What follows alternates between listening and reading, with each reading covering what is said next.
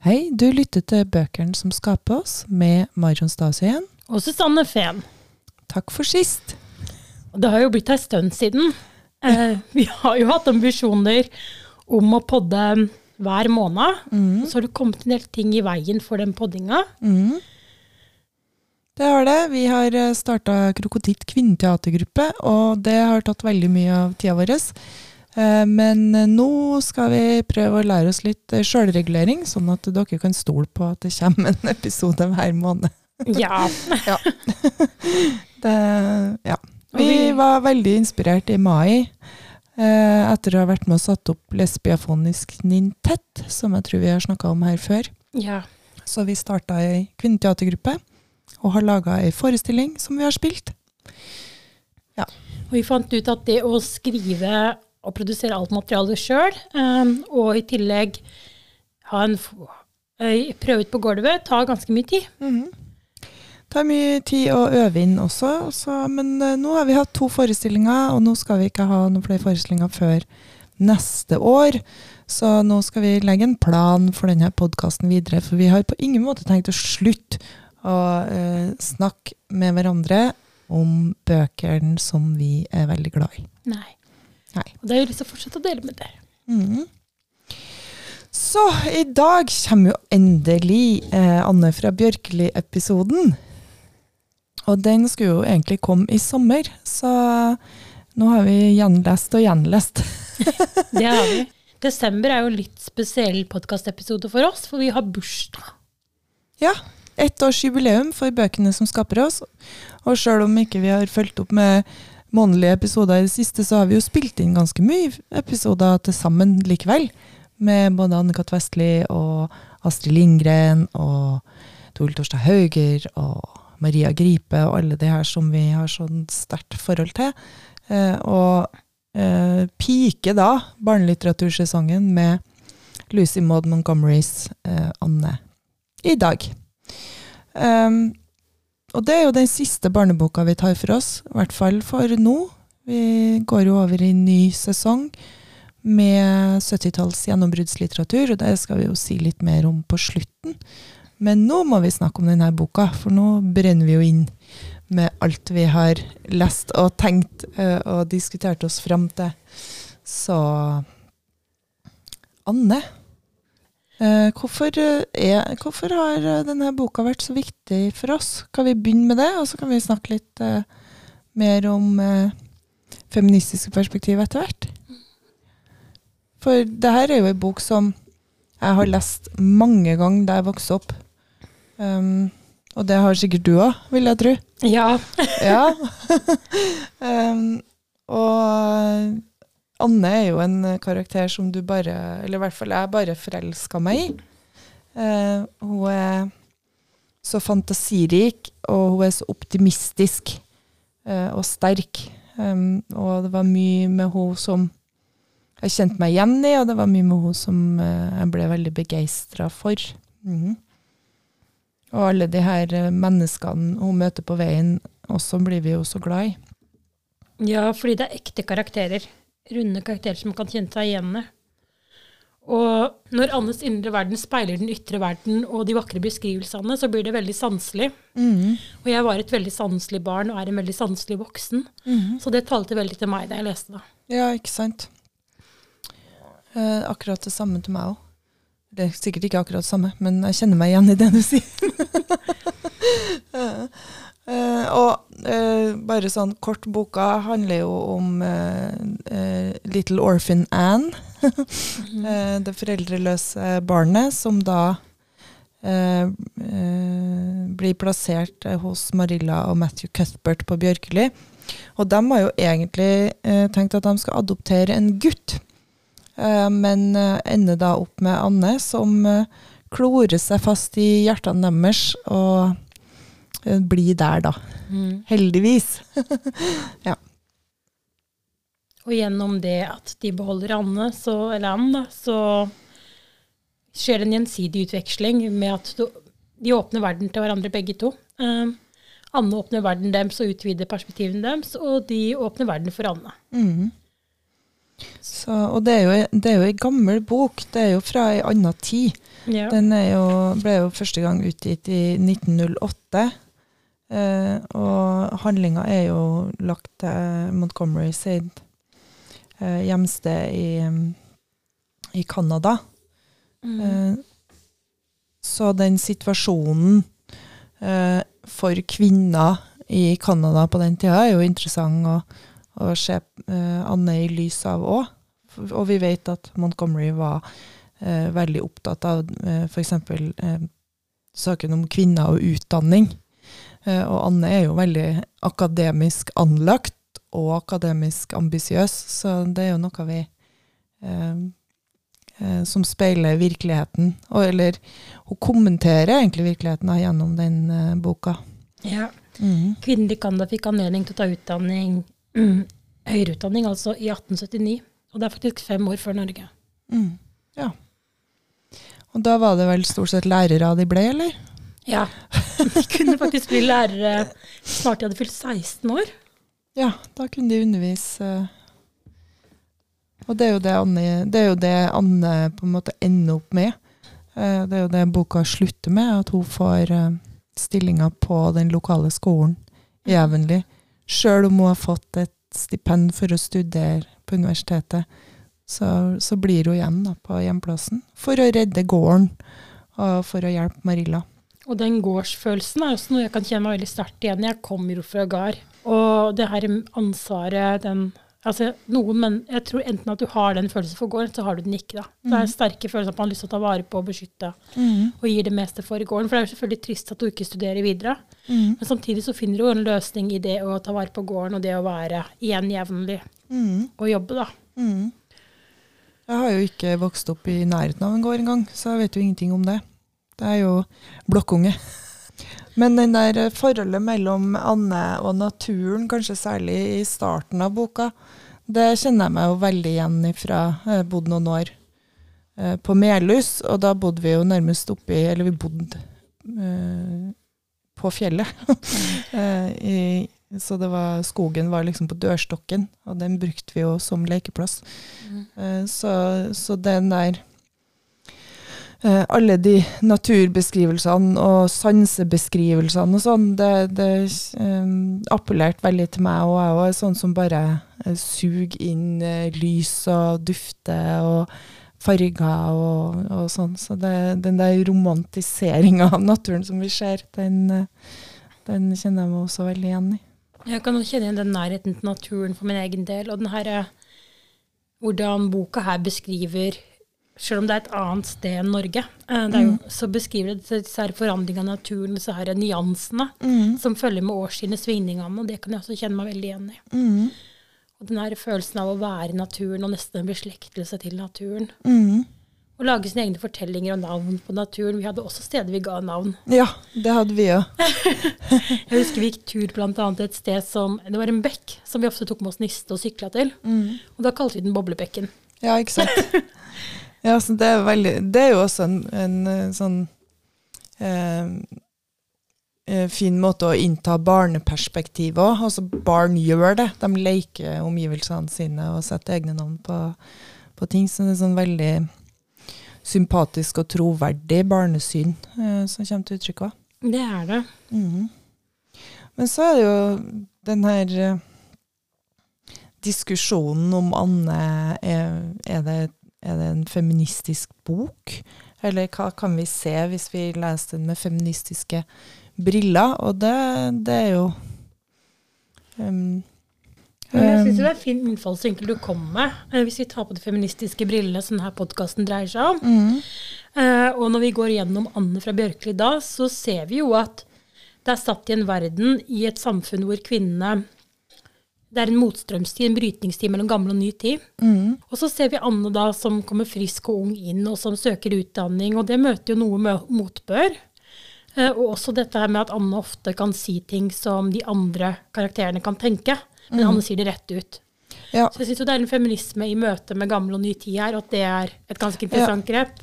både liksom det gamle bondesamfunnet som er veldig både religiøst og tradisjonelt eh, i seg sjøl, men også de her eh, kjønnsrollenormene og kjønnsrolleforventningene som, som kanskje er det mest åpenbare bruddet Anne gjør, da. Ja. Um, um, der hun um, uh, hele tida står opp for seg sjøl og sine meninger, uh, og ikke liksom lar seg forme til å, uh, til å tie. Mm. Eller Ja. Hun lar seg kanskje forme litt etter hvert. ja, Det er jo var- noe vi kan uh, diskutere. ja. Eh, hun kommer jo ikke ut av det som på en måte så frigjort og frittalende som man kanskje skulle ønske. Nei, for på et punkt så sier vel Marilla sånn som at du har blitt mer stillende. Mm. Og så sier Anne at ja, for jeg har ikke lyst til å bli ledd av. Eh, Ja. Ja, jeg har lyst til å Mm. Ja, jeg, jeg tenker disse tankene inni meg, men Mm. jeg har ikke så lyst til å gi uttrykk for dem lenger. Mm. Og så er det det at når vi gjør stiler på skolen nå, så får lærerne også skrive med enklere språk osv. Mm. så det skjer jo noe når vi er rundt 15, en slags modning der. Mm. Men samtidig så syns jeg fortsatt Anne beholder det som er Anne, da. Mm. Og Anne har jo veldig mye Hun er ei kvinne. Mm. Uh, hun er veldig bevisst at hun er kvinne. Hun er veldig bevisst sin plass. Mm. Hun sier, som vi har sagt, det hun mener og tenker på. Mm. Og, og på en måte Hun er hun er ikke bevisst sin plass, hun er bevisst sin forventa plass. Sin forventa plass, plass. ja, riktig. På Ja. en måte. Uh, hun um, um, Men hun aksepterer jo ikke det.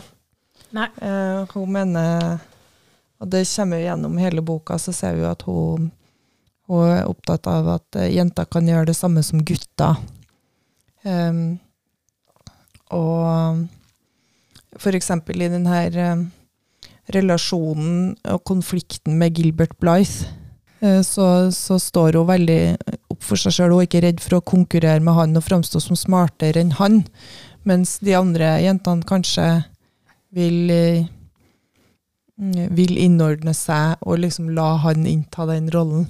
På den måten kan det kanskje Mm. sammenlignes litt med den tradisjonelle guttebokhelten. Det er guttebokhelten, men det er guttebokhelten der ut på eventyr og utforsker. Mm. Så viser hun i klasserommet og Mm. hjemlig i at hun, at hun briljerer der, da. Mm.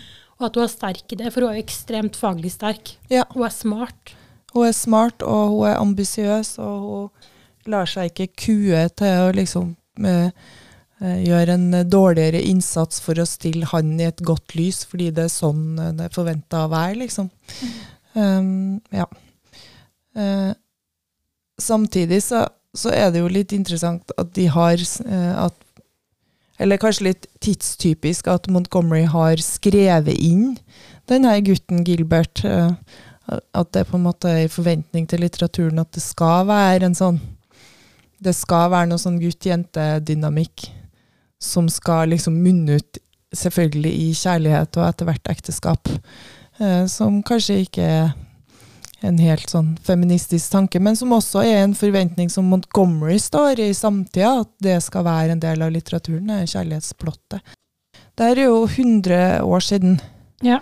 Eh, og man må liksom Ja, det skal være en bok eh, eh, sannsynligvis retta mot eh, jenter, eller de som er interessert i å lese om ei jentes liv, men vi må liksom ha med denne gutten, sånn at det, kan, det må være en kjærlighetsinteresse der. Mm. Og så ser man på samtidslitteraturen som kommer ut nå, så er det jo fortsatt ofte sånn i barne- og ungdomslitteratur at uh, det må ende opp med at noen blir sammen.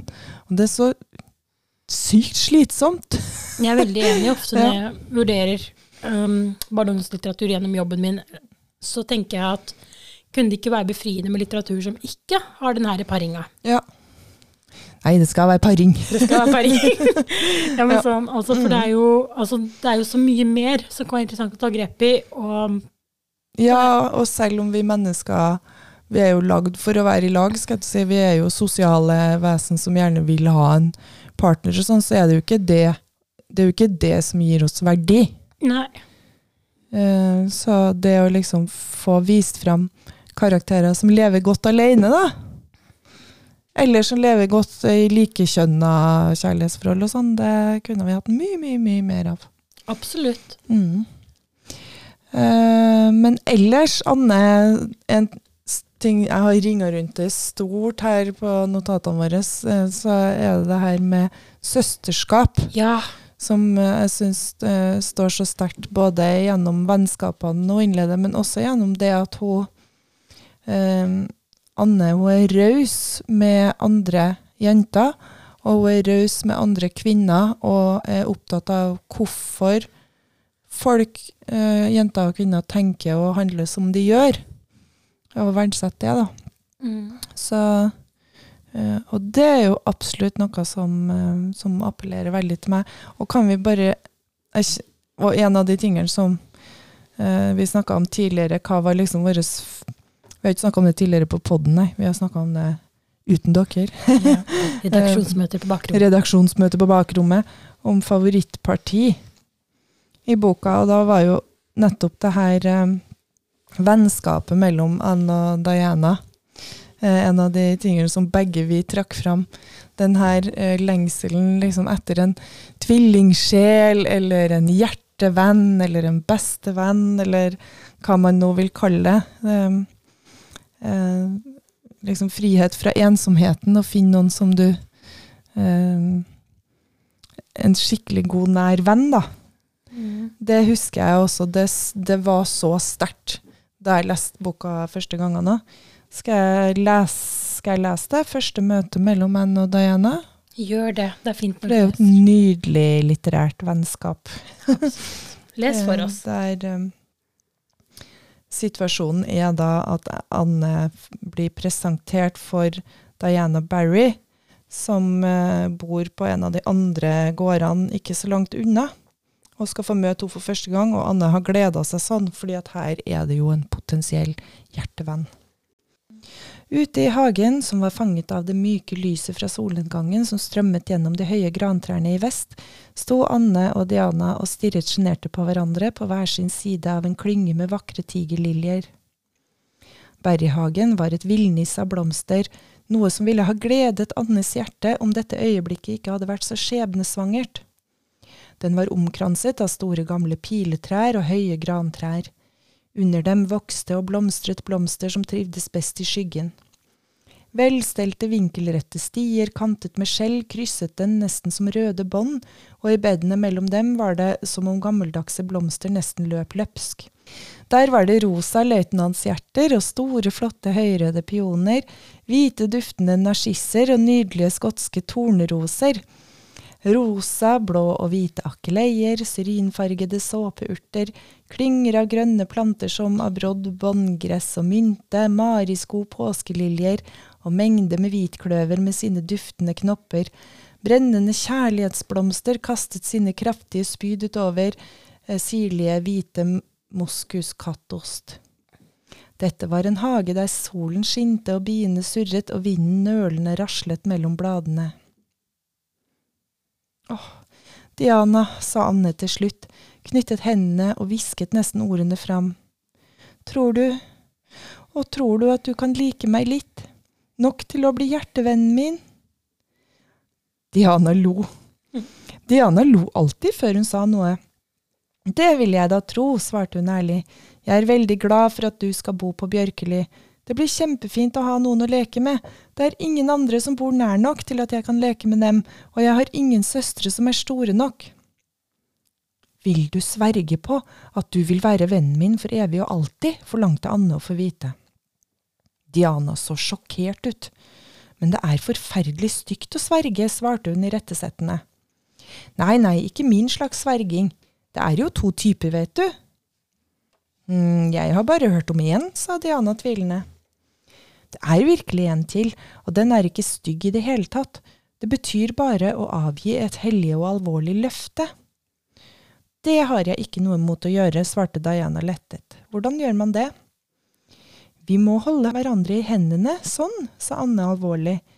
Det burde gjøres over rennende vann, men vi får bare late som om denne stien er rennende vann. Jeg sier frem eden først. Herved sverger jeg at jeg vil være trofast mot min hjertevenn Diana Barry så lenge solen og månen består. Nå sier du det, men bruker mitt navn i stedet. Diana gjentok eden og lo både før og etter, før hun sa, Du er en underlig pike, Anne.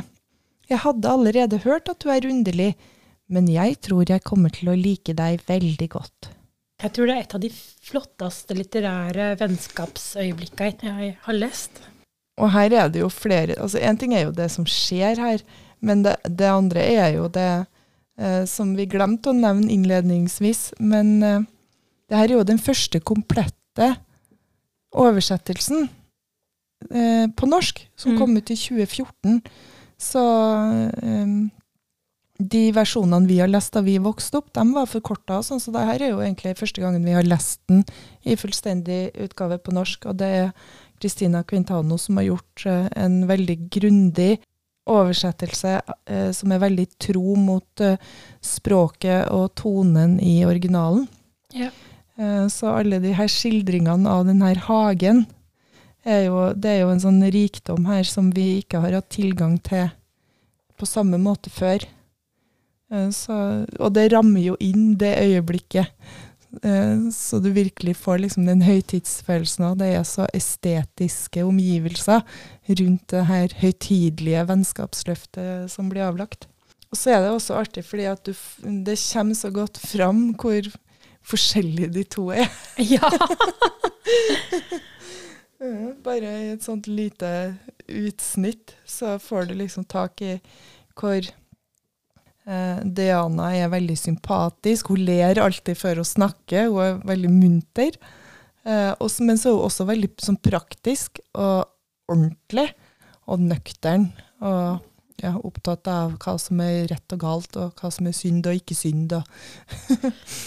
ja, jeg tenker at det er et godt poeng det her med at de er veldig forskjellige. Um, også det her sterke vennskapet som etablerer seg sånn kjempefort. De er jo bare sjelevenner pang. Ja. Det ser jeg veldig fint. Ja. De forplikter seg eh, De liker hverandre umiddelbart, og de forplikter seg umiddelbart til hverandre. Ja. Ja. Og Og det blir jo et vennskap for livet, eller i hvert fall så lenge som denne boka varer. Nå forholder vi oss til Det er jo en hel serie, men vi forholder oss til akkurat den her i dag. Ja. Mm. jeg vil jo tenke at det er et vennskap for livet. Mm. Ja, så det med søsterskap står sterkt i boka, og det ser vi jo også hun, mm, hun Marilla eh, og det her kvinnesamfunnet um, de har. De har jo en kvinneforening eh, som hun og fru Lind og alle de her kvinnene sikkert er med i. Der Marilla noen ganger har liksom følt seg litt utafor og litt annerledes. Um, så det er nok noen ting ved eh, Anne som hun kan kjenne seg igjen i og sympatisere med òg. Når Anne ikke eh, egentlig verken eh, ja, Eller ofte så vil hun jo passe inn, men eh, eh, ofte så går det på, eh, på tvers av Anne sine egne verdier, sånn at hun må stå opp for seg sjøl òg. Jeg tror Marilla kanskje beundrer deg litt. Det tror jeg jo, fordi Anne, som du sier, jeg tror ikke hun vil passe inn på kompromiss med den hun er. Mm. Hun vil være seg sjøl i den her samfunnet og verden, samtidig som hun etter hvert finner en såpass hjemhørenhet i Emily, da. Ja. Ja, det, det, er litt, det er en litt sånn ambivalens, eller sånn. Hun vil så gjerne høre til. Hun vil så gjerne ha et hjem og en aksept og være en del av samfunnet. Samtidig som hun har en veldig sånn stolthet og et ønske om, en, om å være seg sjøl og være fri. Og ofte så krasjer de to ønskene, da. Mm.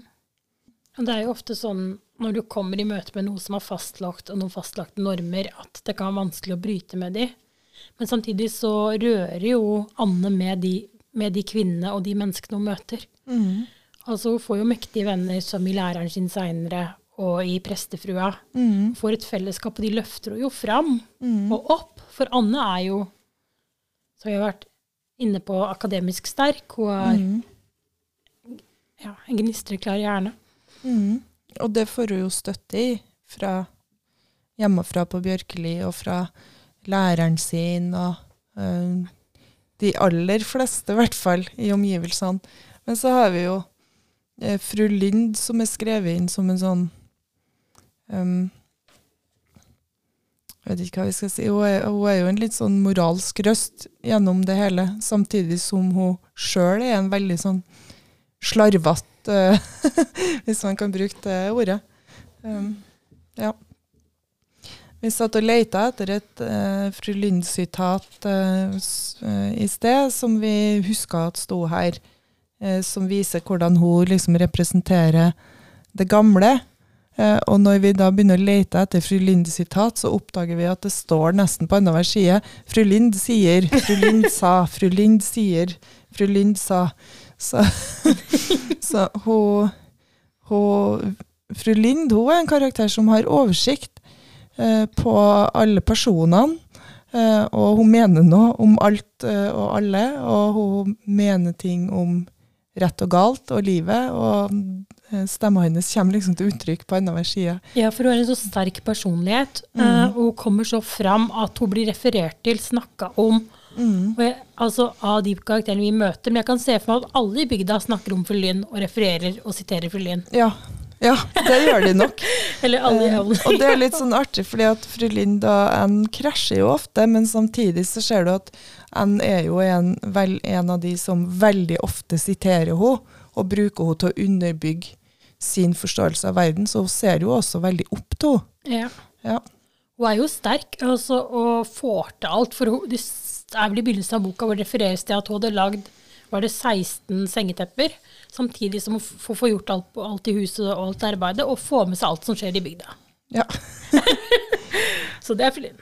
Ja. Jeg ser liksom for meg sånn nabo, nabokone som alltid sitter med kikkert, eller alltid står ute over gjerdet og liksom hun følger med. Hun vet uh, hvem som har gått på besøk til hvem. Og, uh, ja. ja. Uh, og det er jo sånn Man skal jo ikke stikke under en stol at det er jo fru Lind som åpner boka. Det første kapitlet handler jo om hennes perspektiv. Og der står det jo at hun bor akkurat der hvor hovedveien jevnlig dukker ned i et lite dalsøkk. og så står det at um, det går en bekk forbi, og at den bekken akkurat når den passerer der for Lynd bor, så har den blitt stille og veloppdragen. For selv ikke en bekk kunne renne forbi fru Rachel Lynds dør uten å ta hensyn til anstendighet og akseptabel oppførsel. Og antagelig var den klar over at fru Rachel satt ved vinduet sitt og oppmerksomt holdt øye med, med, det, med det som måtte dra forbi, alt fra elver til barn og hva det nå ellers måtte være og at hun, om hun la merke til noe som var underlig eller ikke hørte hjemme der, ikke ville gi seg før hun hadde fått rede på både hvorfor det befant seg der, og hvordan det var kommet dit. Hm. Og fru Lynd var da et menneske som makta både å ta seg av sine egne ting og likevel blande seg i andres. Gjøremål, ja. Mm. Så hun blir jo etablert som en sånn nabofruekarakter som har full oversikt. Hun må jo ha vært et drivjern. ja. Utmerket husmor, Um, arbeidet var gjort bra. Ansvar for syklubben. Hjalp med søndagsskolen. Hun er lederkvinne. Ja, ja. ja, ja, ja. Som samtidig helt sikkert vil argumentere mot at kvinner skal være ledere. ja, og støttebjelka i menighetspleia og den lokale misjonsforeninga. Ja, ikke sant. Mm. Men det sitatet vi leita etter, mm. det var jo det på 322. Det er jo ikke noe rart vi ikke fant det, for det var jo helt på slutten, og vi trodde jo det var i midten. Og det handler jo om nettopp det her eh, akademiske ambisjonene til N, og hva fru Lynd mener om det. Skal jeg lese det for oss? Ja, kan du gjøre det? Skal jeg begynne på ja. Begynn med et tungt sukk. Med et tungt sukk og en blanding av utmattelse og lettelse plasserte fru Rachel sin omfangsrike skikkelse på steinbenken ved siden av døra, der det vokste høye rosa og gule stokkroser. Jeg må si at jeg er glad for å kunne sette meg. Jeg har vært på beina hele dagen, og 90 kilo er for mye for to ben å bære på. Det er en stor velsignelse å ikke være tykk, Marilla. Jeg håper du setter pris på det. Vel, Anne, jeg hører at du har gitt opp dine plan om å begynne på universitetet. Det er jeg glad for å høre. Du har fått all den utdanningen en kvinne har godt av. Jeg har ikke noe til overs for piker som begynner på universitetet sammen med menn og fyller hodet med latin og gresk og alt det tullet der. og så svarer jo Anne. Men jeg kommer uansett til å studere gresk og latin, fru Linde, sa Anne og lo. Jeg skal studere filologi her på Bjørkli og lære meg alt jeg har lært på universitetet. Fru Linde løftet hendene i hellig forferdelse. Anne Shirley, du kommer til å ta livet av deg selv. Ja, Jeg syns den er så fin. det er et veldig talende sitat om fru Lind. Ja. Ja. Og det her, situasjonen her er jo Det her er jo helt på slutten av boka, som vi sa. Anne er jo 11 når hun kommer, og på slutten så er hun jo en ung voksen. ja. Og da har hun fått eh, stipend til å studere på universitetet, men hun velger da å bli på Bjørkeli for å hjelpe Marilla, som holder på å bli blind, eh, og for å redde gården. ja. Ja.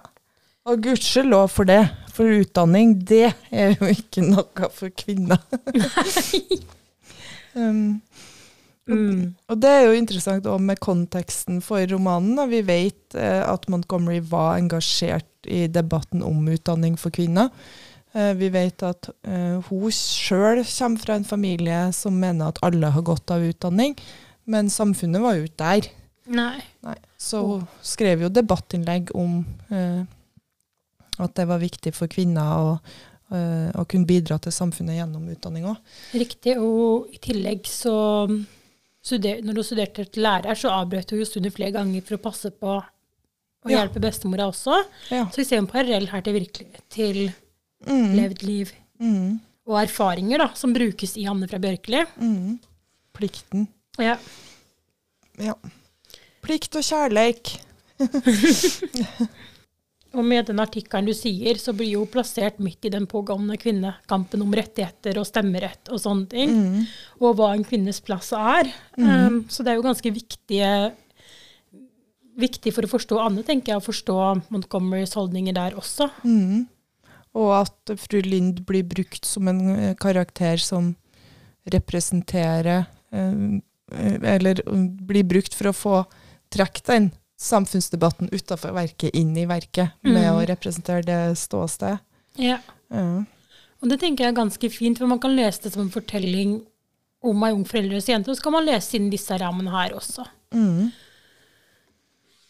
Som et overgangsverk som tar for seg ganske viktig tidlig tematikk rundt aktuelle ting i samfunnet på den tida, da.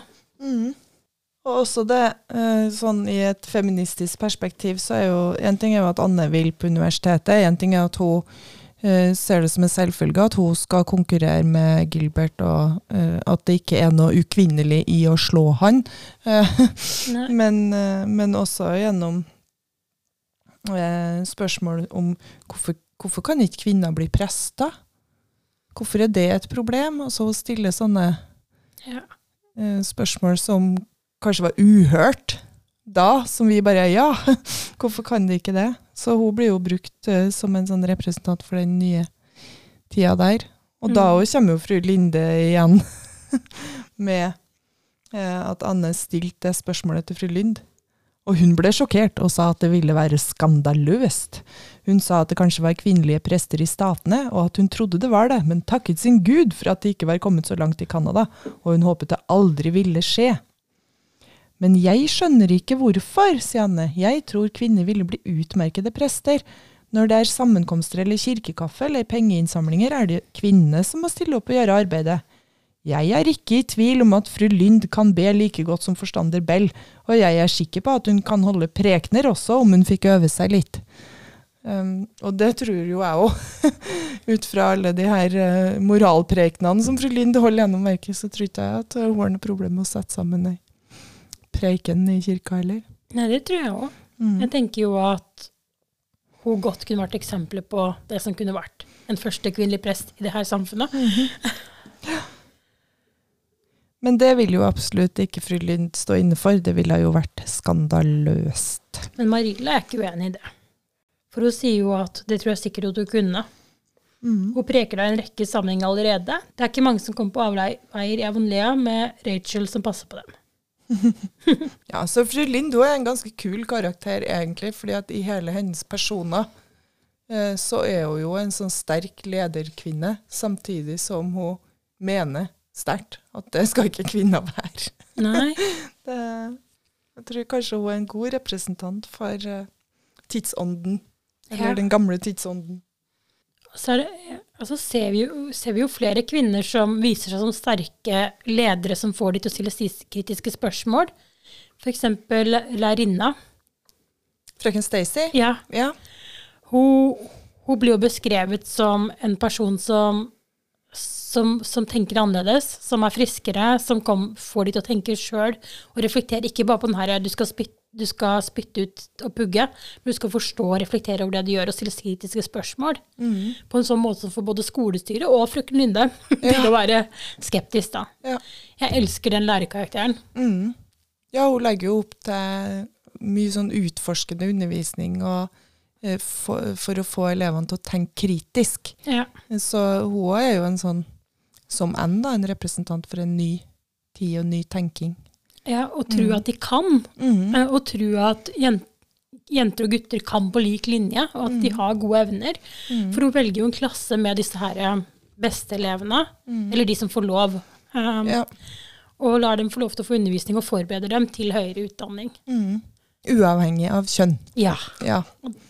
Um, så gjennom uh, å skrive fram den karakteren som hun gjør, så skriver hun jo fram både eh, et eh, nytenkende kvinnebilde, men også et viktig syn på barnet, tenker jeg. Og verdsetting av barn sine eh, evner til utvikling og tanke, og ikke bare eh, som ja, men jo, jo, enig i den. Og barn, at barn er verdt å lytte til. Og at barn har verdi i seg sjøl som tenkende, selvstendig individ, det kommer jo også gjennomgang her. Ja. For når Anne møter og rører ved folk som det barn hun er, så er det et spontant barn som også får andre til å tenke. Hun får vokse til å be om unnskyldning flere ganger, blant annet. Marilla ber om unnskyldning med brosja, f.eks. Ja, når, eh, når Anne blir beskyldt for å ha stjålet brosjen, og så er det Marilla sjøl som har revet den av seg ved et uhell, så må hun be om unnskyldning, og det gjør hun jo. Og fru Lynd ber om unnskyldning. Eh, når er det fru Lynd ber om unnskyldning? Det er et punkt i hvert fall der Er det etter hun sa til Anna at hun var stygg? Ja. Ja. Jeg skulle ikke sagt at du var stygg. Unnskyld. Ja, Um, ja for det er jo er, det er jo sånn interessant uh, Interessant i romanen, syns jeg, den her uh, um, kravet på en måte om Eller forventninga om at jenter skal være så vakre og kyske og eh, estetiske individ, mens, mens forfengelig, det skal man ikke være. Det er, det er så mye sånne spenninger og motsetninger hele tida. Um, og det fru Lind sier, er jo at uh, vel, de valgte deg ikke pga. utseendet. Det er, det er nå i hvert fall sikkert, kommenterte fru Rachel hensynsløst. Og bare det å liksom snakke til barn og om barn som om de ikke er til stede, eller som at de ikke har følelser og ikke Det er jo, det er jo helt sikkert ikke uvanlig i denne tida. Eh, Men eh, Anne reagerer jo ganske kraftig på det, mm, som da fører til denne forferdelige konflikten. Der Anne ikke bare eh, begynner å skrike, men hun stiller seg jo rasende opp foran fru Rachel og roper 'jeg hater deg, jeg hater deg, jeg hater deg'. Det er jo ikke småtteri når han eh, Shirley blir, blir sint, da. Hvordan våger du? Um, mm. mm, Og Anne må jo unnskylde først. Etterpå. mm. Men det ligger jo også i oppdragelsen og tida. Ja, at ja, de må ja. det. Så det er en forståelig at du gjør det. Ja, og hun er jo hun er jo out of, de er jo out of line begge to, sett med mitt blikk, da. Ja, jeg syns òg det. Ja, Um, det, så ja. det at de på en måte unnskyldte hverandre, er et veldig godt grep der. mm, Fordi en fru Linde tilgir jo med en gang, mm, og mener at hun har vært for hardt, men jeg er en direk- at hun er en direkte person. mm. Uh, og du må ikke bry deg om hva jeg sier. Håret ditt er veldig rødt. uh, og så forteller hun om en pike som, hadde minst like rødt hår, men det ble kastanjebrunt. ja, og der gir hun jo Anne håpet Ja. om at hennes hår skal bli kastanjebrunt. For det å ha rødt hår, det er jo visstnok uh, det verste som kan ramme et menneske, det. ja. Og det er, derfor, det er jo det som eh, sår hele konflikten mellom hun og Gilbert, da. At han eh, roper 'gulrot, gulrot'. Mm. Mm. Så. Um, De forstår hverandre der. Det kommer en slags sånn etablert begynnende forståelse i det her. De unnskyldte hverandre, de ser hverandre. mm, Og kanskje Og hun indre, um, fru, fru In Lynde innrømmer at hun kanskje er en sånn som kan la, la løpe fra seg litt med Mm. å bli litt sinna. Summa summarum så har det jo noe med respekt for andre å gjøre. Ja. At den voksne viser respekt for barnet, og barnet viser Ja. respekt for den voksne. Ja. Og at de begge to, to møtes på halvveien og lærer å inngå kompromiss. Og det syns jeg er ganske viktig i, viktig i livet, og viktig i litteraturen. Mm. Og så er det jo også det her sympatiske i romanen nå, da, det at uh, Anne Anne blir jo ganske hardt uh, til, til, tilrettesatt gjennom romanen, men hun tillates jo å, å feile og lære av sine feil. Ja. Um, Og det å ikke være ufeilbarlig. Og gjennom romanen tenker jeg litt sånn på gjør feil, eh, lær av dem og bli bedre. ja. Og Anne gjør jo ofte ikke samme feilen to ganger. ja, og hun argumenterer jo også for at du må tillate meg å feile, og så ser du at jeg lærer. Uh, ja. Og det er noe grunnleggende menneskelig. Mm. Og hun får jo det. Mm. Etter hvert får hun lov til det. Å gud bedre så mye hun feiler. Ja. Og noe, er- noe er veldig konsekvensbasert. F.eks. når du skjenker Diana full.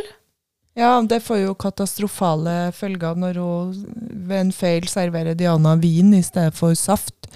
Og Diana kommer dritings og dårlig hjem.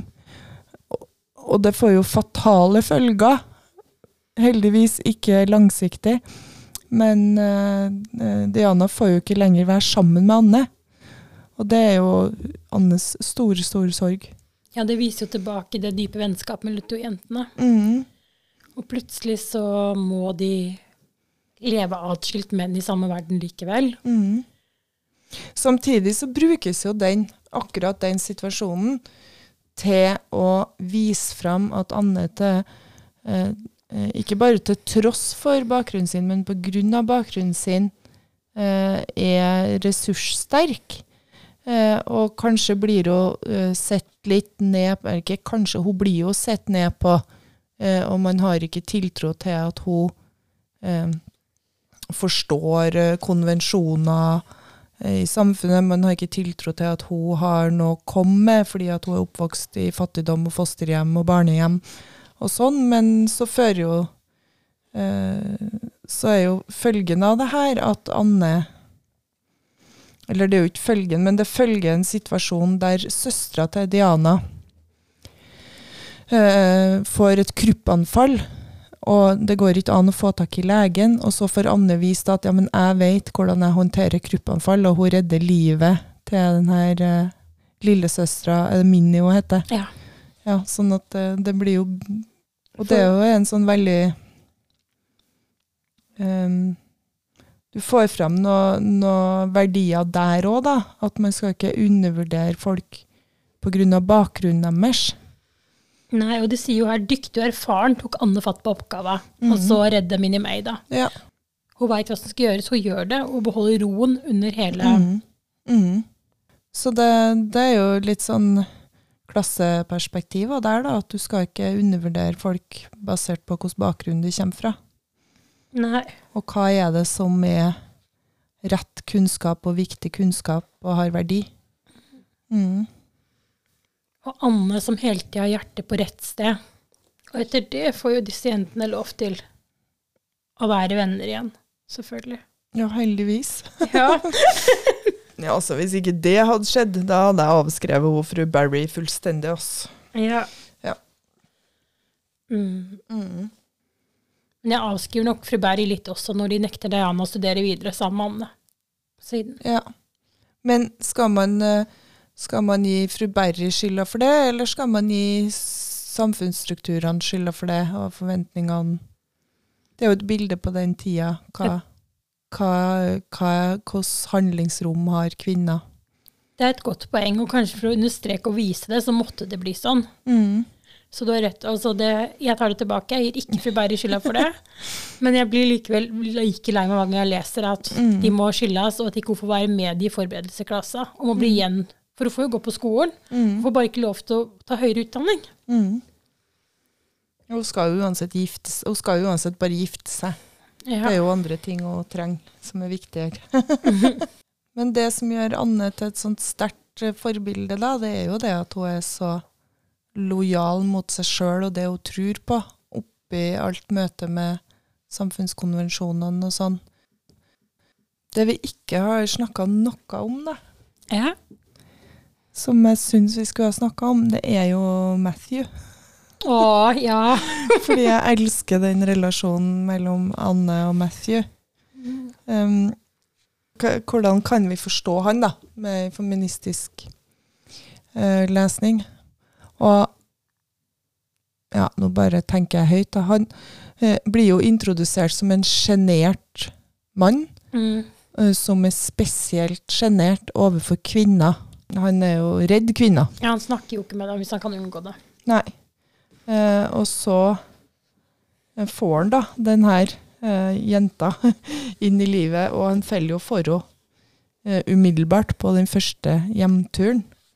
Det som er litt interessant òg, er at han er jo, det er jo bare han og Gilbert Blythe, vel, er vel de mannskarakterene vi ser mest til, er det ikke? Jo, og så mannen til fru Lynde, er det Thomas han heter, blir omtalt. Ja, men, Men vi blir ikke noe kjent med han. Nei.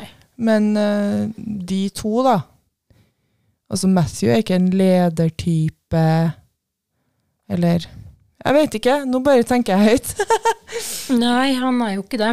Han er ikke patriarkalsk. Han er ikke en patriark. Han Ja. er ikke patriark, nei. Nei. Og de kvinnene vi møter, de har jo veldig stor innflytelse både i det gamle og nye samfunn. Det er kvinnene vi ser. Mm. Så det er jo interessant i seg sjøl i feministisk lesning at du har den her mannen som bryter litt med hva liksom bonden, eller gårdeieren Hvilken rolle og funksjon gårdeieren har, eller jeg vet ikke. Hvordan han framtrer da i lokalsamfunnet. Um, mm. Og Gilbert som gir opp uh, jobben sin for at Anne skal få den. Ja. Så de er jo ganske De er jo kanskje ikke så tankevekkende for oss i dag, men jeg vil jo tro at de kanskje var litt tankevekkende den gangen. Ja, og Gilbert prøver jo virkelig, etter at han har mobba han eller erta han første gangen, og rekke ut ei han og prøver å si unnskyld på sin måte. Men Anne er jo forsonlig i begynnelsen. Men det er så bra at hun er, Jeg for det. hun tar det ikke som flørting. Nei. Og dis, jeg tror jeg husker ikke helt sikkert, men jeg tror også at det bør bli tatt, at noen sier det. At han er sikkert interessert i deg, og hun bare nei, hun aksepterer ikke det premisset om at noen, noen som liker henne, skal plage henne. Så hun feller ikke for det. Og det er jo å styrke i seg sjøl, Ja, og det kan alle, også jenter i dag, lære noe av. Ja, Ja. ja, eh, det er mye lært om i dag. Det er fint at han må lære seg å ta en annen approach hvis han eh, skal være interessant for det motsatte kjønn, tenker jeg. Ja. Mm. Og han vokser jo og lærer jo på det. Mm. Og hun vokser og lærer på det. Mm. Eh, Og det at han så umiddelbart bare hører, hører, hører om hva som skjer med Annes liv, og så gir fra seg jobben sin. Mm. Og han må jo reise lenger for den jobben, men likevel så får Anne den undervisningsstillingen. Det er en veldig god løsning på det. Mm. Men vi må jo snakke litt om den her slutten, for at vi får jo ikke den her fullstendig frigjorte Anne, som vi kanskje, vi moderne samtidsmennesker, håper å se. Nei, vi gjør jo ikke det. Nei. Og hun blir jo, om ikke temt, så blir hun tammere, hvis du skjønner. Hun blir tammere, fordi Mm. på, et visst, på et tidspunkt når du er sånn rundt 15, så sier jo Marilla at du har blitt så mye stillere, Anne. Du snakka ikke så mye lenger sånn som du pleide å gjøre før. Mm. For du kunne underforstått, du kunne skravle høl i huet på meg, selv om ikke hun sier det. Ja, ja, ja. Uh, Det da tror jeg hun sier noen gang òg. Ja, hun gjør jo det. Eh, men det Anne svarer da, er jo at hun har fortsatt den her indre rike verden og disse tankene. Mm. Hun har ikke så lyst til å dele dem mer, for det hun har, vil ikke bli ledd av. Mm. Så hun tenker det isteden. Og i tillegg så følger det en faglig utvikling på skolen der de har skriver stil og sånn, og skal bruke færre ord. da. Mm. Så hun blir stillere og mer tenksom og lokker den inn, det som føler av ytre verden, inni seg sjøl isteden. Mm. Og bærer den mer på innsida enn utsida. Mm. Hun blir en dannet kvinne. Ja! Og da kan vi jo diskutere ja, hva er danning, da, hvis det liksom må bli temt. Fordi at i starten av romanen så er det jo, så er jo Anne veldig insisterende på at eh, det er ikke hun som skal tilpasse seg samfunnet, den samfunnet som skal tilpasse seg hun, mens det snur litt da, på slutten. Jeg tenker litt på disse guttene i sånne helteromaner også. Hvordan da? Eh, Med tanke på at ville de tilpasse seg på slutten på samme måte, de som reiser ut på eventyr når de kommer tilbake igjen? For, for det er jo en veldig sånn For å bli voksen her, så må du bli stille, tenkende og lokke deg inn, da. Og jeg blir litt sånn Jeg liker det ikke helt. Nei. Jeg vet ikke hva du tenker der, men ja. Ja, jeg hadde jo likt om Anne hadde vært en frigjort, flagrende sjel i et stort hus uh, fylt med mennesker og ideer og ja. Ja. Jeg ser for meg at hun kunne ha blitt en stor filosof. En stor filosof og en lærer som røska litt i samfunnet, og som oppdro ungene til å bli selvstendig tenkende individ. Mm, ja, ikke sant. Hun kunne ha vært det. Ja. Ja. Jeg veit ikke om jeg har egentlig lyst til at hun skal bli temt i det hele tatt. Nei. Men samtidig så gjør hun jo Det hun gjør, det er jo noe eh, det er jo noe stort. Hun, hun går jo inn som kvinne og redder gården og redder eh, situasjonen og sånn, men samtidig så er det noe med mm. Så blir hun pleiemor for Marilla, da. Hun gjør det. Mm. Det er jo en ganske eh, typisk eh, situasjon for ei kvinne å være i. mm. Men samtidig så slutter hun ikke å studere og sånn. Hun studerer jo på egen hånd hjemme, Ja. selv om hun ikke går Ja. på universitetet videre. Ja. Så hun å fordype seg og sier jo at jeg skal lære meg alt det jeg har lært på universitetet. Mm. Og det viser jo at hun er sterk og selvstendig og ønsker å søke kunnskap videre, og det syns jeg er en bra ting. Mm. Syns vi at det er en aktuell bok i dag? Jeg har nå tenkt å kanskje lese den med studentene mine til våren. Det syns jeg er en veldig god idé. Jeg syns fortsatt den har aktualitet. Ja, hvorfor er det en god idé? For det er en god bok. Den viser hele runde karakterer i en annen tid, 1908. Mhm. Eh, Den har interessante historiske, historiske linjer fra kvinners stemmerett. De fikk det vel i 1917 i Canada, hvis jeg husker riktig. Mhm. Og 19, var det 13 i Norge? Ja. Ja. Eh, Den forteller noe om et gammelt samfunn som møter et nytt samfunn. Mm. Eh, Den gir rom for mange mange diskusjoner som vi har illustrert i dag. ja, ja, ja. Og masse vi ikke har vært innom òg. Ja. og det skal ikke vi gå innom heller, men vi har jo liksom prøvd å gjøre noe feministiske nedslag, men hun kunne jo også brukt mange timer på å snakke om eh, konstruksjonen av barn og barndom og synet på barnet og sånne ting. Det er veldig mye man kan ta tak i. Eller synet på naturen. Ja, for Vi sleit jo litt med å avgrense oss her, for det var så mye jeg hadde lyst til å snakke om. Ja. om vi hadde den her feministiske brillene. Og viktigste av alt, Stavsøyen. Du kan sette podkasten vår på pensum. Ja, det får vi se. Jeg tuller. Men eh, ja, litteratur og miljø og natur og sånn kunne vi snakka om. Ja. Eh, Så det er jo veldig mye å ta tak i, men det viktigste som taler for eh, ja det, det, ja, det er det at den ikke er utdatert, men det er jo også det at den er jo veldig, veldig godt skrevet.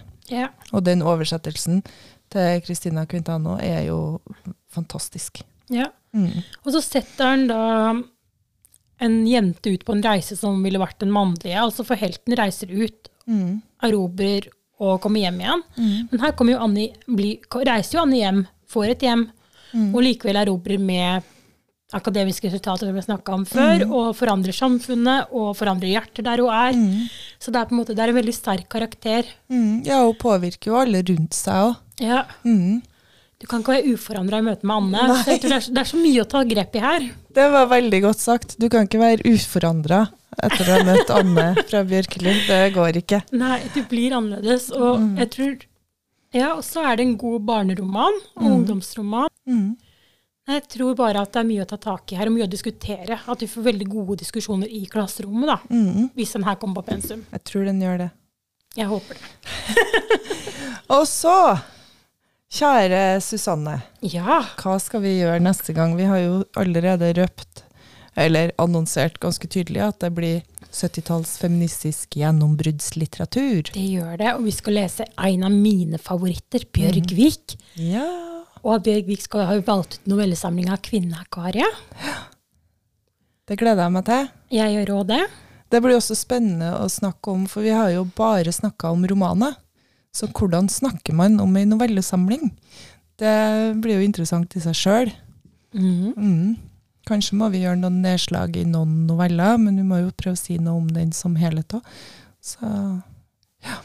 Så hvis dere uh, stoler på oss nå, når vi sier at den episoden kommer i januar.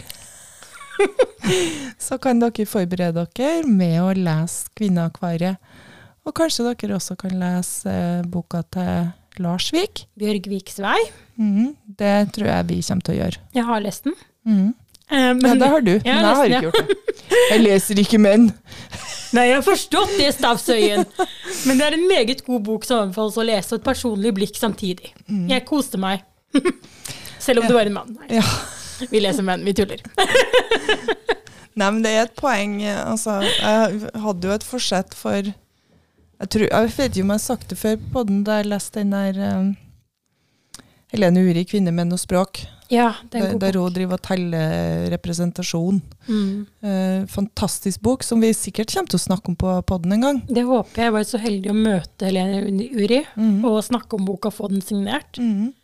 Og da hun, snakket vi også om min store helt Ragnhild Jølsen, som jeg skrev min master om. Ja. Hvor hun skriver en hilsen i den boka, nå blir det jo en parentes, Ja. om at hun, at hun må ta fram Ragnhild Jølsen fra bokhyllen igjen. Ja.